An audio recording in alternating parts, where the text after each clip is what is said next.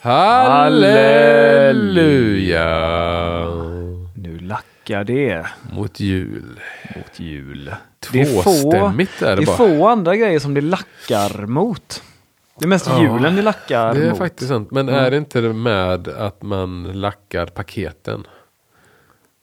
Ah, är det det det? Att man lackar mot paketen mot jul? Nej, jag vet fan. Men det, det inte jag. Simon? mig. Simon, vad säger du? Bra! Ja. ja. Skåneås. Simon är sjuk den lille pojken. Ja. Vi hoppas är att han hinner krya på sig innan eh, morgondagens första lucka. Men vi eh, hoppas det. Ja. Ja, nej men eh, För er som trodde att eh, covid var över. så har det bara börjat. ja, eh, Nej, men det här är ju andra året på vad som eh, är på väg att bli en eh, årlig tradition. Exakt. På samma sätt som att man lägger in julskinkan höll jag på att säga. Men Saltar den i alla fall va? Ja. Om man gör det. Men man lägger in sillen. Man slår in klappar. min mamma sätter alltid glöggen på min födelsedag. Det? 21 oktober, då är det Glögg. glöggen sätts. Glöggdags. Så att den är färdig att dricka. Gör hon det liksom advent. då istället för att fira dig? Ja. Eller för att, nej men jag kan inte, tyvärr jag kan inte komma. Jag ska göra glögg idag.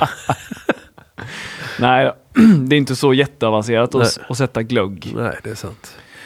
I år har vi då ett eh, litet... Eh, är det ett samarbete? Nej, kan man inte säga. Vi har fått äran. Vi har fått äran, ja, att eh, Prova. att provsmaka 24 öl från norrländska gänget. Västerbotten med omnejd Precis. gänget Ja, som brygger öl vi har väl diskuterat detta lite. Är det liksom eh, eh, Norrlands hembryggarförening som står bakom eller är det bara en egen eh, filial? Liksom? Det kanske inte har med föreningen att göra men det är i alla fall jag misstänker i alla fall att det är ett gäng bryggare med i kalendern som kanske är eller mer eller mindre aktiva i Norrlands hembryggarförening. Finns, finns Norrlands hembryggarförening?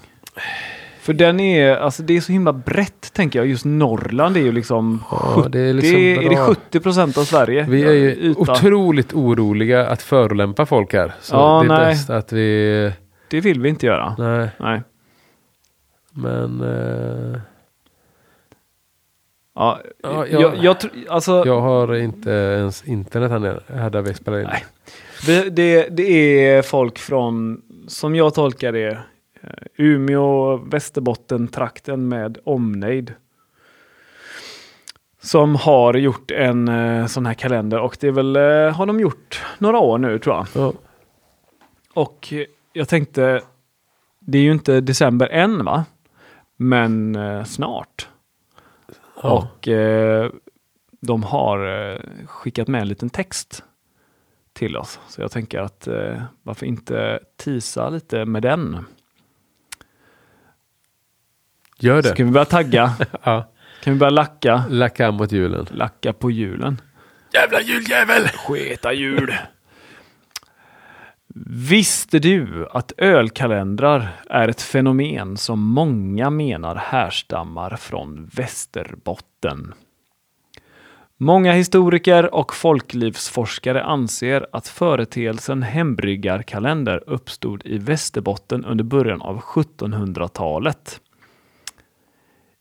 I Bjännsjöå,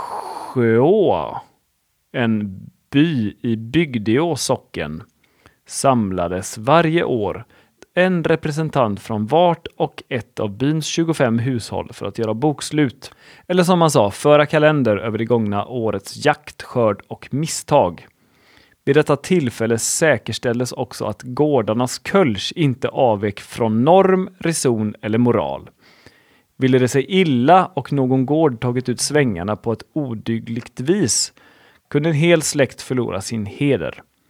Sammankomsterna var allt annat än lustfyllda, Men likväl spred sig traditionen att i början av december sammanställa och prova 25 flaskor öl, inom parentes Kölsch, till andra närliggande byar. Under 1700-talets andra hälft tog sig sedan konceptet ölkalender vidare ut i världen. Mycket tack vare att närliggande Ratan 1767 blev stapelhamn, vilket innebar att alla varor som importerades eller exporterades via sjövägen från Torneå, Luleå, Piteå och Umeå skulle kunna förtullas i Ratan.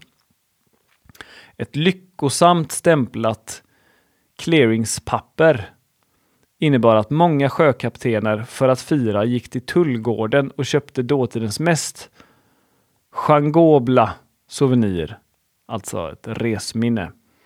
Ett kölschkalendarium. Ett sådant kalendarium bestod av 25 närbelägna gårdars egen tolkning på den västerbottniska landskapsdrycken. Åren 1849 till 1855 var Otto Reinhold Taube tullinspektör i Ratan. Han var högt aktad men i vissas ögon också storslagen, på gränsen till grandios.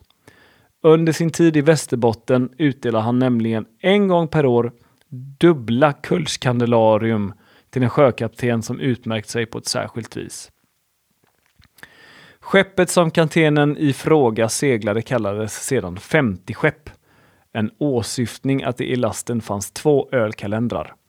Detta blev ett uttryck för någon, något excellent och utmärkande som också spred sig i sjöfartskretsar.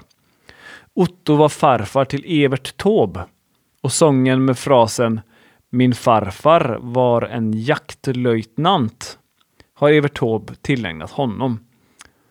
I vissamling Ultramarin från 1936 hittar vi också strofen Båtens namn var Bermudas, ett äkta 50-skepp, vilket sägs syfta på farfaderns uttryck och indirekt på den västerbottniska traditionen med hembryggarkalendrar. När Riksbanken i oktober 2015 lanserade nya sedlar hittade Evert Taube på den nya 50-lappen.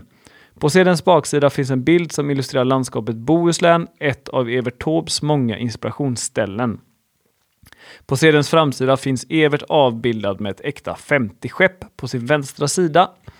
Vi kan anta att det i lastutrymmet finns två Kölsch-kalendarium eller hembryggarkalendrar från Västerbotten. Det var som fan. Det, där lärde man sig många nya grejer. Ja, verkligen. verkligen. Ja, nej, det är ju vad man lär sig när man lyssnar På podcast. på podcast. Ja. Ja. Ja.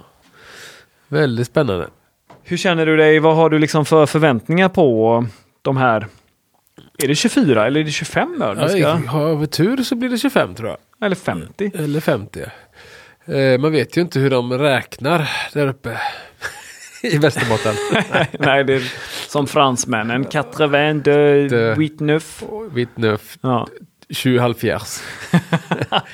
Nej men eh, jag har ju, det vi, jag vet ju om väldigt många duktiga bryggare i de här trakterna så eh, det hade varit, eh, ser jag liksom framåt och eh, Kölsch till trots så hade det ju varit roligt kanske om det fanns något öl med råvaror ifrån regionen som smältsnö.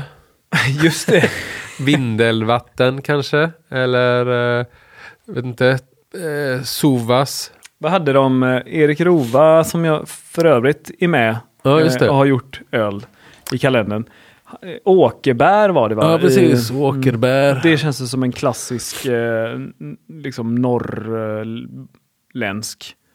Ja, fast ja, jo, det gör det. Jo, det gör det. Men det är också sällsynt. Hjortron tror jag många kanske tänker ännu mer på. Absolut. Näverstövlar.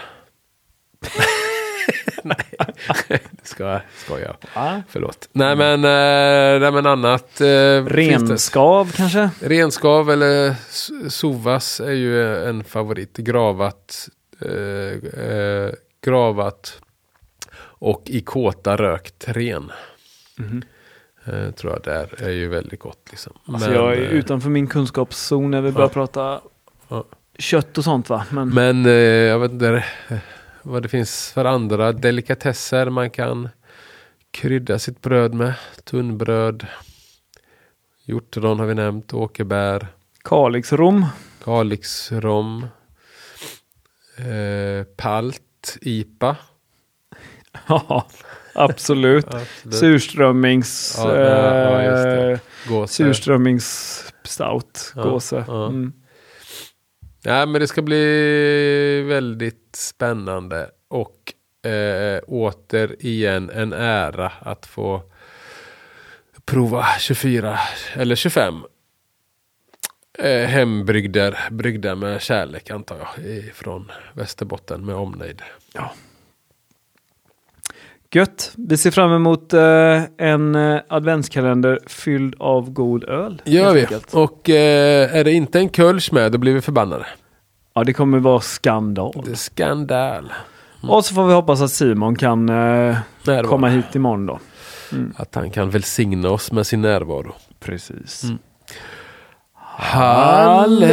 Halleluja!